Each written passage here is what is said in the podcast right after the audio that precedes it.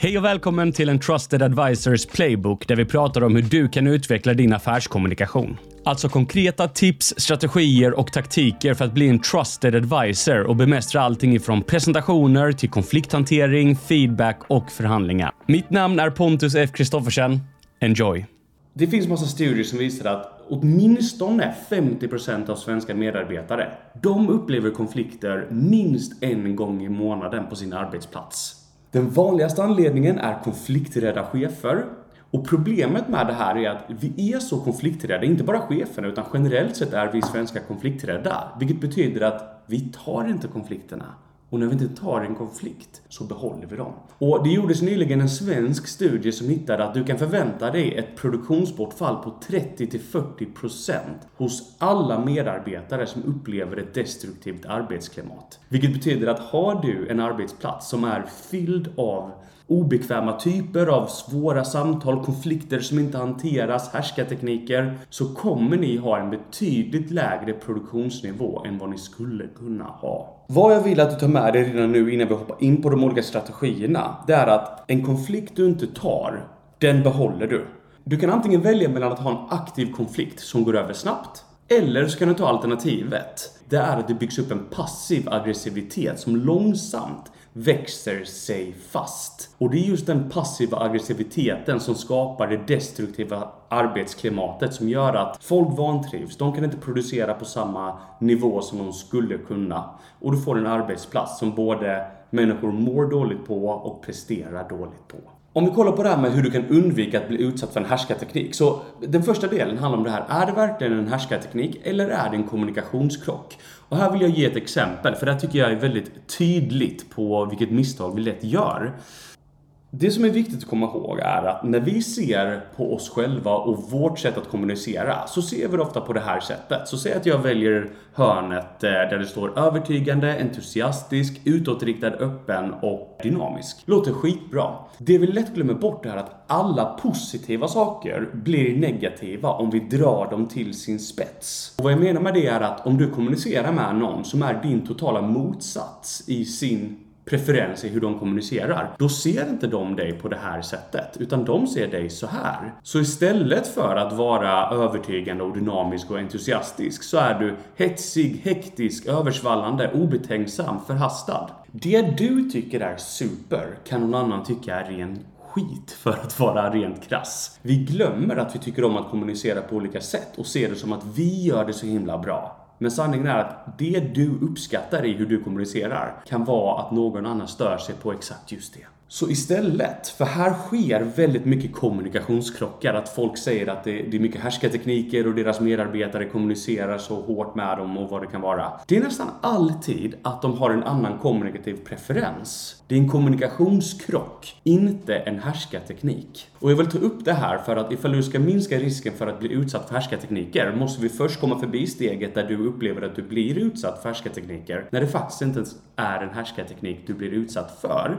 utan bara en person som kommunicerar på ett annat sätt än vad du gör. Och jag säger inte att det här är enkelt. Det enda jag säger är att det är viktigt att skilja på de två, för vi behöver lära oss att kommunicera med olika typer av människor, med människor som kommunicerar på andra sätt än vad vi gör. Och vi behöver lära oss att hantera härskartekniker och besvärliga typer på ett bra sätt. Men det är två separata saker och vi behöver lära oss att se skillnaden på dem. För vad du kommer märka är att när du lär dig se skillnaden kommer du också märka att du blir förmodligen inte utsatt för så mycket härskartekniker som du tror. Utan mycket av det du upplever jobbigt är faktiskt kommunikationskrockar. Nummer två, det är du får vad du tolererar. Ska vi bara kolla på det här med konflikter och härskartekniker så är det så tydligt att du får vad du tolererar. Om du blir utsatt för en härskarteknik, för någon trycker ner dig och du inte sätter en tydlig gräns och visar att det där är inte okej, okay, då kommer det beteendet fortsätta. Men direkt när du sätter gränsen så kommer du antingen se personen eller beteendet försvinna ur ditt liv. Nu så finns det vissa personer som man kan behöva säga till flera gånger, men jag lovar dig, sätter du en tydlig gräns två eller tre gånger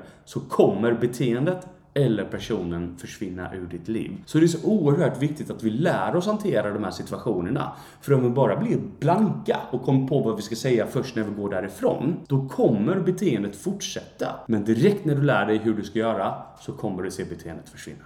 Nummer tre som går ihop med den här nummer två, det är din konflikträdsla är en konfliktmagnet. Hur konstigt den låter så är det verkligen sant. Som jag sa innan, den vanligaste anledningen att svenska medarbetare upplever konflikter, det är en konflikträdd chef. När vi inte tar konflikter så behåller vi dem och så lägger vi dem på hög tills bägaren rinner över. Det blir en absurd mängd konflikter och passiv aggressivitet som försurar arbetsklimatet. Medan en person som tar konflikter direkt när de uppstår, de löser konflikterna direkt och har inga liggande konflikter att behöva tänka på. Eh, det finns ett uttryck som är eh, döda monstret medan det är litet. Och det stämmer verkligen här. Konflikter börjar ofta i väldigt små saker vi inte är överens om. Och om du tar den diskussionen direkt så försvinner konflikten. Men om du inte tar den så kommer de här små konflikterna växa sig på varandra. Och sen så exploderar det och så står man och kastar ur sig saker som hände för fyra år sedan för att berätta att den andra personen gjorde fel. Så att ta kontroll över din konflikträdsla är en nyckel. Och jag har massa filmer på YouTube och, och poddavsnitt där jag pratar om det här. Så vill du veta mer om hur du kan hantera din konflikträdsla så sök på mitt namn så kommer du hitta massa tips på hur du gör det. Eh, om det var några av er som plockade upp tidigt där jag pratade om att det är enorma kostnader när vi inte hanterar konflikter på arbetsplatsen så vill jag bara berätta att ni kan gå in på min hemsida retorikkonsulten.com och hitta in på eh, kursen Hantera härskartekniker. För går ni in här och scrollar en bit ner så kommer ni hitta en, en chattfunktion här där du kan välja räkna ut kostnaden på ert dåliga samtal samtalsklimat. Här kan du skriva in, jag tror det är tre siffror som jag behöver för att kunna räkna ut det här. Så kommer du direkt få ett svar, en uppskattning av hur mycket ert företag förlorar i, i bara dolda kostnader på grund av ett destruktivt samtalsklimat. Alltså vad är det för produktionsbortfall ni har på grund av att era medarbetare och era chefer inte lärt sig hantera de här situationerna på ett så bra sätt som möjligt. Om vi ska gå in på nästa del som är det här vad härskare hatar. Så med en mening är det de hatar när du lämnar tillbaka det sociala ansvaret. Och vad det betyder är att när du blir utsatt för en sån här förminskade kommentar, en härskarteknik, vad som händer är att du blir utsatt för en svår social situation. Den här personen sätter dig i en svår social situation där de säger något oskönt och sen ska du hantera situationen. Och det är svårt. Men tricket är att du ska egentligen inte alls hantera situationen. Du ska bara vända situationen på deras huvud och ge tillbaka situationen så att de behöver hantera den svåra sociala situationen. Så för att ge ett par exempel här. Här är fyra formuleringar som jag älskar att använda i den här typen av situationer. Hur menar du då? Vad menar du med det? F förlåt, vad hände nu? Eller, vad ville du få ut av att säga så? Så, så lek med, med tanken att de, de säger någonting i stil med, men lille vännen, det vet du väl hur man gör?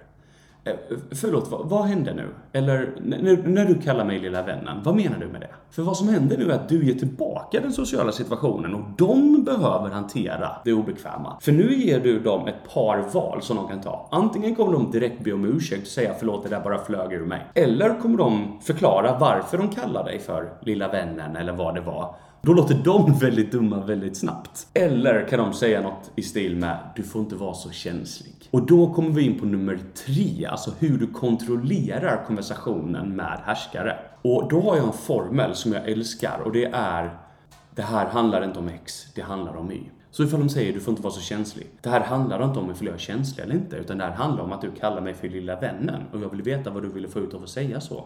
Förklara dig inte, försvara dig inte, flytta bara tillbaka fokus. Tricket för att hantera 99% av den här typen av situationer är att lämna tillbaka det sociala ansvaret och flytta tillbaka fokus om de försöker sticka iväg i konversationen eller anklaga dig för något annat. Vad vill du få ut av att säga så? Om de flyttar, där handlar det inte om det, utan det handlar om att du kallade mig det här och jag vill veta varför. Tricket är att ge tillbaka det sociala ansvaret och flytta tillbaka fokus hela tiden. För vad du kommer märka är att när du gör det så kommer du ha kontroll i den situationen och de kommer bli så obekväma av det att de inte kommer fortsätta behandla dig på det sättet. Så utan att du ger dem någon form av verbal knockout punch eller hugger tillbaka, vilket kan vara tillfredsställande, men det kommer inte leda till någon direkt beteendeförändring. Om du istället jobbar med den här processen kan jag lova dig att du snabbt kommer se antingen personen eller beteendet försvinna ur ditt liv. Okej, okay, så för att summera. Du får vad du tolererar, så sätt gränser och visa tydligt vad du inte accepterar att någon gör mot dig eller kallar dig. Lämna tillbaka det sociala ansvaret med frågor och kontrollera konversationen med formen “Det handlar inte om X, det handlar om Y”. Så det var allt för det här avsnittet. Testa tipsen. Lägg märke till hur bra de fungerar och kom ihåg att förtroende, det är valutan för framgång.